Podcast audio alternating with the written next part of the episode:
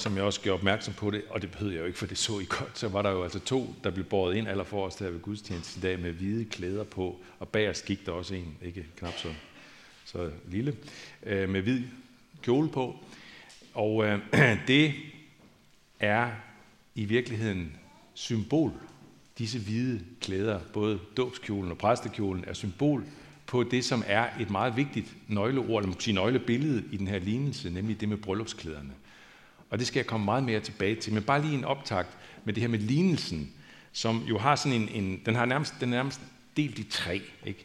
Der er den her første del, øh, som er på en måde meget lige til at forstå, hvis man læser den i den historiske sammenhæng, den bliver fortalt i. Og hvad er det for noget? Ja, det er Jesus, der er nu, befinder sig i Jerusalem. Vi er meget få dage, før han bliver korsfæstet. Situationen er den, at han mere er, hvad skal man sige, mere og mere under øh, stramningen i forhold til, eller grebet af de her jødiske religiøse ledere, som, øh, som ser ham som et større og større problem, eller det har de gjort længe, og nu ender det altså med, at de tager ham og korsfester ham nogle dage efter. Kort sagt, det handler om, om, om det, som er lignelsens første del, den her afvisning af invitationen, som kommer fra Jesus nu. At nu alle I, som er indbudt, hvem er det? Alle de, men det var alle jøderne, som havde den gamle pagt med, med Gud, Israels gamle pagt. De var indbudt for længst, for længst. Og Jesus kommer og siger, nu, nu er der festen, nu er det meget, meget tæt på, at festen kommer. Og de afviser ham. De afviser ham fuldstændig, de slår ham ihjel. Så det handler lignelsens første del tydeligvis om. Og så anden del, ikke også, hvor, hvor så han siger, så kommer altså invitationen til at gå ud vidt og bredt, og fuldstændig grænseløst. Virkelig grænseløst, fordi han siger, både onde og gode bliver inviteret, altså alt og alle. Og, og øh, bryllupssalen, festsalen bliver fyldt, står der. Så langt, så godt. Det er meget nådefuldt og stærkt. Så kommer der en mærkelig tredjedel, som der var en af mine kollegaer, der kaldte for en blindtarm. Lignelsens blindtarm. Man kan også kalde det blindtarms betændelse, fordi der er jo en hårdhed i den. Noget næsten nådesløst i den her afslutning. Manden, der bliver sendt udenfor, fordi han, ja, fordi han bare har sit eget hverdagstøj på, og ikke har taget bryllupstøjet på. Men lige præcis det med bryllupsklædningen signalerer også nåden som altafgørende her til sidst i lignelsen. Fordi hvad er det for noget, det der med bryllupsklædningen? Ja, det finder vi spor af allerede meget tidligt i Bibelen, nemlig i det gamle testamente, 700 år før vi får den her lignelse af Jesus, så finder vi det hos profeten Esajas, Prøv at se øh, op på væggen, der kommer det. Øh, jeg fryder mig over Herren. Min sjæl jubler over min Gud, for han har klædt mig i frelsens klæder og hyldet mig i retfærdighedens kappe, som en brudgom sætter sin turban, og som bruden fester sine smykker. Jamen dog, der har vi noget, som allerede er sådan en første tråd på det, ikke? Gud, der klæder mennesket i frelsens klæder, i retfærdighedens kappe, som en, en brudgom bliver klædt. Og i Nytestamentet, der bliver det meget, meget klart, hvad den her frelsens klæder er for noget, retfærdighedens kappe. Det for eksempel fremgår det meget tydeligt hos Paulus i Galaterbrevet. Prøv at se, hvad der står der. Alle I, der er døbt til Kristus, har jo iklædt jer Kristus. To små piger blev i dag iklædt Kristus. Og alle vi, som er døbt, alle er iklædt Kristus. Og Kristus, ja, det er først og sidst nåden fra Gud til os. Det er det fra ende til anden. Tilgivelsen igennem alt, det er nåden. Eller for at bruge et af, af Jesu andre billeder på forbundetheden med ham, og hvad det indebærer, øh, hvor han bruger et andet billede end det med klædning, nemlig med at spise. Prøv at se Johannes 6. Den, der spiser mit kød og drikker mit blod, har evigt liv, og jeg skal oprejse ham på den yderste dag. Altså den der nærhed til Jesus i den ene eller den anden form, som iklædning eller som at spise. Der findes kun et sæt tøj, der kan bruges ved Guds riges overdådige bryllupsfest, og det er Jesus tøjet. Det er Jesus selv. Og tøjet er fuldstændig gratis. Og det handler om Jesu død og opstandelse for os, for vores skyld. Vi kan, ikke være, vi kan faktisk ikke være kristne uden at leve så tæt op af Jesus, at vi billedligt talt, så at sige, er iklædt ham. Eller har spist ham. Hm. Man kan også sige det på den her måde. Vi kan ikke komme med til Guds bryllupsfest, hvis vi ikke bærer dåbskjolen resten af livet. Og ikke fordi, at jeg tænker, at de her små piger skal bære den resten af livet, så skal den i hvert fald syes nogle gange, for at de kan have den på. Men billedligt talt, så, så skal de beholde den på. Billedligt talt, så skal de her to piger og alle os andre beholde den på resten af livet. Eller som Paulus siger det også i, i et sted i en af sine brev, Romerbrevet. Prøv at se, hvad han siger. Iklæd jer Herren Jesus Kristus. Der siger han det som en nutidsting, som en vedvarende ting. Iklæd jer Herren Jesus Kristus. Det sker ikke bare ved dåben, men bliv ved med at iklæde jer. Altså dåbskjolen skal betyde det samme resten af livet. Da du fik den hvide dåbskjole på på dåbsdagen, hvis du, medmindre du ikke lige var, øh, det, det gør nogle af jer, der kan være døbt som voksne, så har I måske ikke lige en hvid kjole på. Fred være med det, men altså I forstår billedet, det billede i det ikke også. Da du fik dåbskjolen på på dåbsdagen, så handlede den jo ikke om din, om din barnlige hvide uskyld.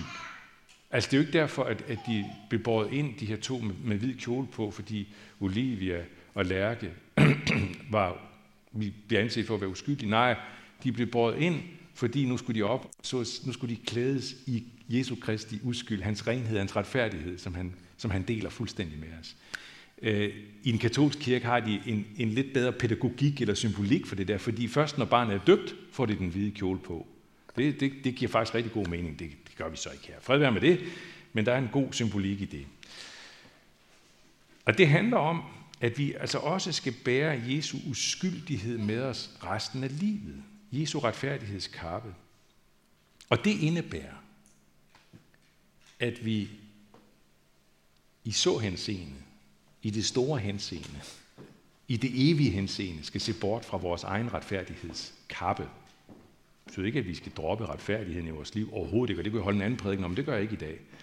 Men det betyder, at vi i det store perspektiv, i, i evighedsperspektivet, i bryllupsfestperspektivet, der er der altså én kappe, vi skal bære, og det er Jesu kappe.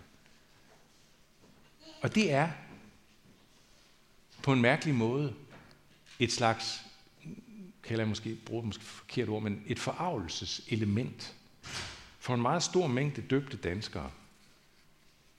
Hvad mener jeg med det? Jo, det her, at alt til syvende og sidst afhænger af en retfærdighed, som man ikke selv har indflydelse på og ikke har ansvar for. En frelsesklædning, som kommer til en udefra. Altså, at man ligesom skal anses for at være så håbløst fortabt i sig selv, at det med himlen, det med paradis, det med det evige liv, hvis det virkelig findes, ja, at det så kun kan tildeles i kraft af Jesus. Altså, man kun kan få del i det, hvis man er så tæt bundet sammen med Jesus gennem hele livet, som man nærmest har ham på som et stykke tøj. Det er lige en tand for meget for mange almindelige danskere, som er døbt. Det er for meget Jesus-religiøsitet. Det er for sort et syn på mennesker også, altså, som om Gud ikke kan se, at vi der gør det så godt vi kan. Folks reaktion på det her, det, det handler ikke om, det vil jeg gerne sige også, det handler ikke om, at de anser sig selv for at være fejlfrie. Det gør almindelige danskere ikke. De har da selverkendelse. De fleste ved godt, de har fejl og sådan noget. Ikke? Men ligefrem at skulle anse sig selv for at være en, ja, en fortabt sønder, der ikke kan komme så meget som i nærheden af himlen, uden at indrømme, at man er en fortabt sønder, og derfor en, der har total brug for Jesus, for Jesus tøjet. Ja, det er, det er for meget. Det er for meget. Palle Mikkelborg, en af mine yndlings jazzmusikere og komponister, ham med trompeten og ham, der også har lavet meget jazzmusik, Palle Mikkelborg, han sagde noget i et interview for nogle år siden. Prøv at se, hvad han sagde. Jeg kan ikke forstå, at vi er født som syndere. Jeg kan ikke forstå, at vi skal have det kors. Jeg vil ikke påtage mig, at jeg starter som en synder. Nej, det vil jeg ikke. Det kan jeg ikke affinde mig med, og jeg vil heller ikke slutte som synder. Ja, det tror jeg er et udtryk for rigtig mange danskers tankegang, det her. Det mest vidunderlige gratis tilbud i hele verden, det mest frisættende tilbud, tilbuddet om at komme med til bryllupsfesten i Guds rige, frit, kvidt og frit med Jesu retfærdighedskappe på, det betakker mange sig for. Øh, ham, der var i en helt menneskealder højskoleforstander øh, i Hillerød, øh, Hans Erik Nissen, han fortalte en gang om en lille, en, om en, lille, en, en episode, øh, hvor han, det var der, hvor han startede, før han blev højskoleforstander. I, I nogle år var han præst i Emdrup i København. Og der, øh, var han jo altså ganske ung præst og så videre. Ikke? Og så oplevede han, at hver eneste søndag, så kom der en kvinde kørende i taxa, står fint ud af vognen og med meget smuk hat og smukke klæder på at gå ind i kirken. Hun kom helt fast i. Så begyndte han at holde øh, nogle øh, øh sådan aftenbibeltimer der i sovnet, øh, nogle, noget øh, romerbrev, sådan noget, Paulus tekster. Og hun siger til ham ret tidligt, hun kom faktisk til de der arrangementer, men hun siger til ham, jeg bryder mig ikke om Paulus. Men det ændrede sig med tiden, og der voksede noget nyt frem i hende. Så skete der det, at hun også på et tidspunkt bliver syg, og hun dør. Og så øh, skal Hans Erik Nissen jo have ordnet begravelse og tage hen til hendes voksne datter. Og datteren siger så, at mor har bestemt alt. Hun har bestemt alt om begravelsen. Selv det, der skal stå på gravstenen, har hun fortalt. Der skal stå ordet. Et ord. Noget. Og så siger datteren til Hans Erik Nissen, og de skal vide, at jeg hader det ord. Noget. Noget skiller på en mærkelig måde mellem dem, der vil med til bryllupsfesten i Guds rige med bryllupsklædningen på, med Jesus på, og så dem, som mener, at det her, det er for meget. Det må kunne klare sig med vores gode hensigter og vilje.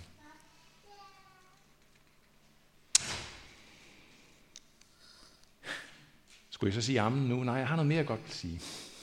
Beklager, hvis I synes, det begynder at blive langt, men jeg skal, jeg skal sige noget mere, fordi det her med at bære dåbskjolen hele livet, iklæde sig Kristus hele livet, for ikke at miste bryllupsfesten til sidst og blive kastet udenfor. Rammer det kun den store gruppe af danskere, som nok er døbt, men ikke forbliver i dåbens nåde, forbliver sammen med Kristus, og det er der måske gode grund til, fordi de ikke vokser op med den kristne opdragelse, men når de så senere hen møder muligheden i forskellige sammenhænge, så griber de den ikke alligevel. Rammer det kun dem? Nej. Lignelsen har også meget tydeligt en adresse til os, der ved, at vi er inviteret med til festen i kraft af den nådefulde bryllupsklædning. Adressen ligger i det med de først indbudte. Altså historisk set, som jeg sagde det i indledningen, så, så, så var det jo jøderne, der, der var i spil her, ikke også? Og det her med, at de afviser Jesus. Men vi skal jo altid forstå Jesu ord som noget, der tales også i nutid. Vi skal ikke bare forstå det som noget, Nå, men det sagde han altså dengang, så det var rettet mod dem. Det er altid rettet mod alle tider, også nu til os, som sidder her i dag. Og hvis vi tænker det på den måde, så er der noget i det, som rammer alle os stærkt, som på en måde kan siges at være de først inviterede. Alle os, som er vokset op i et bevidst kristent hjem, hvor vi fik invitationen ikke bare med dåben, ikke bare ved at vi blev døbt, men vi fik det også med en tydelig kristen opdragelse. Invitationen kom nærmest ind med modermælken. Vi kan i det lange løb også ende med at tage vores egen retfærdighedskappe på. Man kan også sige det øh, med et andet billede fra en af Jesu andre lignelser, den meget, meget kendte lignelse om den, der hedder lignelsen om den fortabte søn. E, egentlig så skulle den hedde lignelsen om de to fortabte sønner.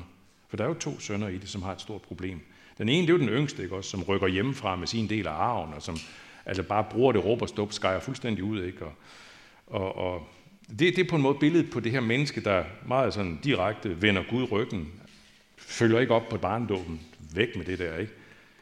Men så er der den ældste søn, som jo bliver hjemme hele tiden, som er meget ansvarsfuld, meget pligtfuld, passer alt det, han skal. Han er ligesom vokset op med det her, ikke? Med barnedåben og med alt, hvad der er, skal følge. Og han passer det. Men han har et problem, der viser sig at være meget større faktisk end den yngste søns. Den yngste søn, han vender hjem. Vi hører ikke, hvad der sker med den ældste. Det er det, der i virkeligheden er udfordringen, den virkelige udfordring i lignelsen. Og hvad er den ældstes problem? Ja, det er selvretfærdighedens kappe. Hvad er det, han siger til faren, da han kommer og møder ham? Så siger han, nu har jeg tjent dig i så mange år, og aldrig overtrådt et eneste af dine bud. Hvor kan vi let ende der, som de først inviterede? Dem, der er vokset op med kristendommen som en del af vores livs vilkår. Hvor kan vi let ende i en slags kristelig selvtilpashed? Vi kan alle de rigtige ord. Det er om Guds nåde og tilgivelse, om frelsen, som man ikke kan fortjene osv. Alt det der. Vi kan det nærmest. Vi kunne nærmest sige det i søvne. Men inde bagved, der kan godt sidde en ældstebror med et hjerte, der vender på samme måde som hos alle andre mennesker, nemlig indad. selvcentreret.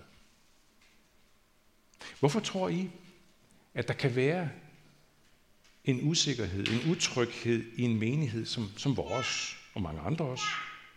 Hvor, hvor jo mange er vokset op og har levet hele sit liv med kristen tro som en selvfølgelig forudsætning. Hvorfor kan der være nogle gange en usikkerhed og utryghed, som handler om en skjult, næsten ubevidst følelse. Hvordan må jeg tage mig ud i de andres øjne? Hvordan må de se mig som kristen? En fornemmelse af en vogten på hinanden. Hvad handler det om? Det handler om ældstebror-syndromet. Den ældste bror med det selvcentrerede hjerte, som hele tiden ligesom kommer til at fylde det hele.